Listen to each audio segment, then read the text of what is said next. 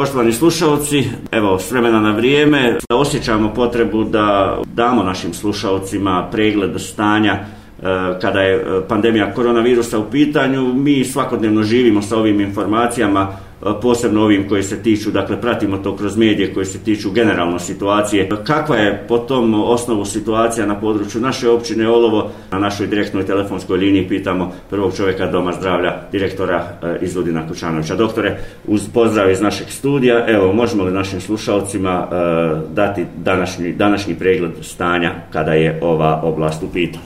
Dobro jutro, kadre, dobro jutro slušalcima Radio Olova. Danas je 1.12.2020. godine i na današnji dan mi ukupno aktivnih pozitivnih lica na teritoriji općine Olovo imamo 26. Od početka pandemije do sada oporavljeno je 142 lica. Nažalost, smrtnih ishoda je bilo 10 koje direktno možemo dovesti u vezu sa COVID-19 infekcijom. Danas imamo izolaciju 63 lica, od ta 63 lica u izolatoriju u KC Sarajevu se nalazi četvoro. E, I to nam je taj dnevni biltin. Da. E, kada pravite usporedbu, pratite vjerovatno situaciju, je li to otprilike, kako sam to u uvodu rekao, situacija koja je srazmjerna svim ovim događajima na, na, na ostalim područjima? Pa da, mi pratimo dakle, stanje sa koronavirusom na teritoriji općine Olovo, neminovno prati stanje u, u Sarajevskom kantonu, stanje u susjednim općinama i tako dalje i tako dalje zbog E, prisutne, prisutno kretanje stanovništva, tako da mi ne možemo, kao što sam više puta rekao do sada ovaj, u vašem programu, ne možemo ni mi biti izolovani otok ovaj, da se na nas ne, ovaj, ne, ne reflektuje sve to stanje i susjedi i susjednih općina, tako da evo, nažalost, evo skoro godinu dana će brzo biti da, da mi već vodimo borbu sa COVID-19 infekcijom. Nadamo se kao i sav progresivni svijet, nadamo se što e, prije da će doći do stavljanja u, u upotrebu vakcina koje se evo najavljuju.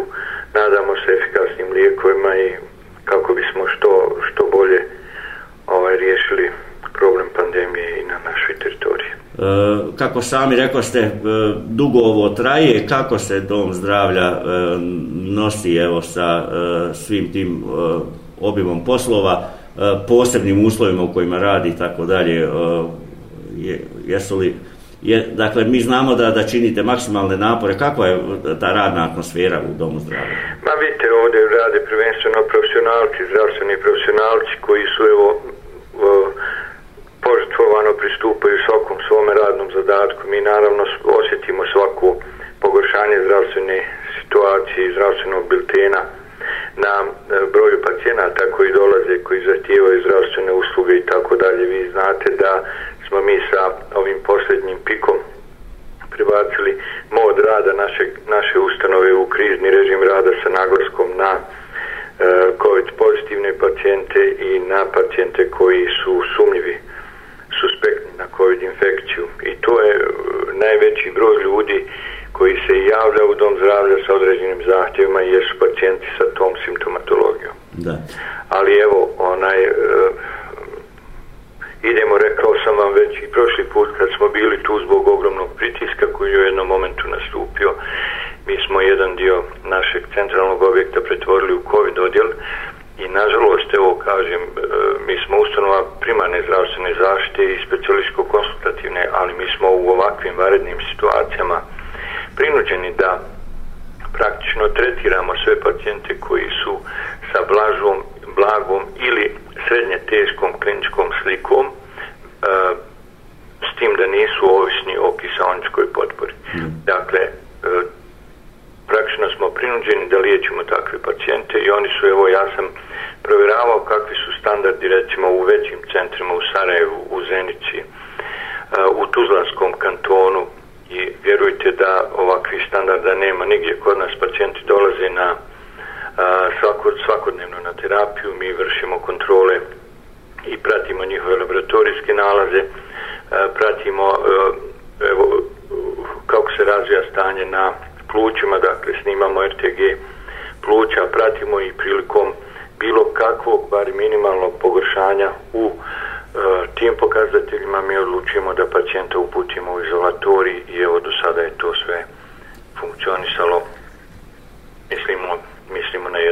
Jednom visokom nivou. E, nadamo se da, da će stanovništvo da je već shvatilo i zbog ovog zadnjeg povećanja broja e, COVID pozitivnih lica i zbog, eto, nažalost, nekih smrtnih ishoda koji su na našoj teritoriji nastupili u posljednjih mjesec dana. E, nadam se da će se stanovništvo uzbiliti, da će se e, protoepidemijske mjere dosljedno e, poštovati i to je jedini jedino naše oružje u borbi protiv ovog virusa u ovom momentu. Dakle, ukoliko e, spriječimo transfer virusa, e, u zajednici, u porodicama, u familijama, u komšiluku, e, primjenjujući protoepidemijske mjere, onda, onda ćemo i zaustaviti pandemiju. Da. Kada sam e, pitao o režimu rada u Domu zdravlja, e, prije svega mislio sam na činjenicu da e, su e, i medicinsko osoblje posebno izloženo, da niste bili, dakle, ni, ni vi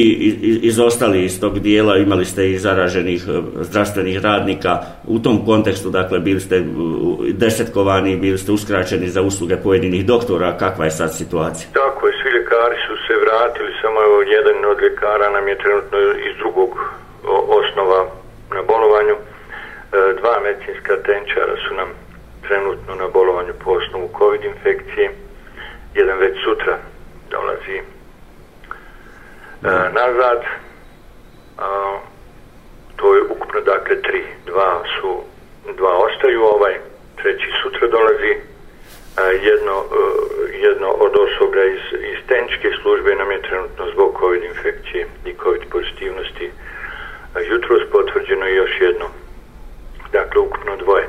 Tako da od, evo, u ovom momentu petoro naših uposlenika je COVID pozitivno, od toga jedno već sutra, danas je posljednji dan izolacije, sutra dolazi na posao, ovih četvoro ostaju još nekoliko dana. E, nadamo se da da neće biti novih slučajeva COVID pozitivnosti, evo zaštnu opremu imamo, od samog početka smo nabavili, nakon toga je bilo i neki donacija, tako da evo, niko ko radi ovdje nije bez zaštne opreme, ali evo desi se to, ljudi imaju život i mimo posla iz našeg studija, direktore, a u ime naših slušalaca, dakle stanovnika općine Olovo, e, prenosimo vam riječi zahvalnosti za vaš trud. E, hvala i vama na vremenu koje ste izdvojili da govorite za naš program, pa do neke druge prilike i evo, svi se nadamo tih boljih vijesti koji pogledamo. Dakle, e, još jednom hvala na izdvojenom vremenu. Hvala i vama, čujemo se uzdravlja kogog.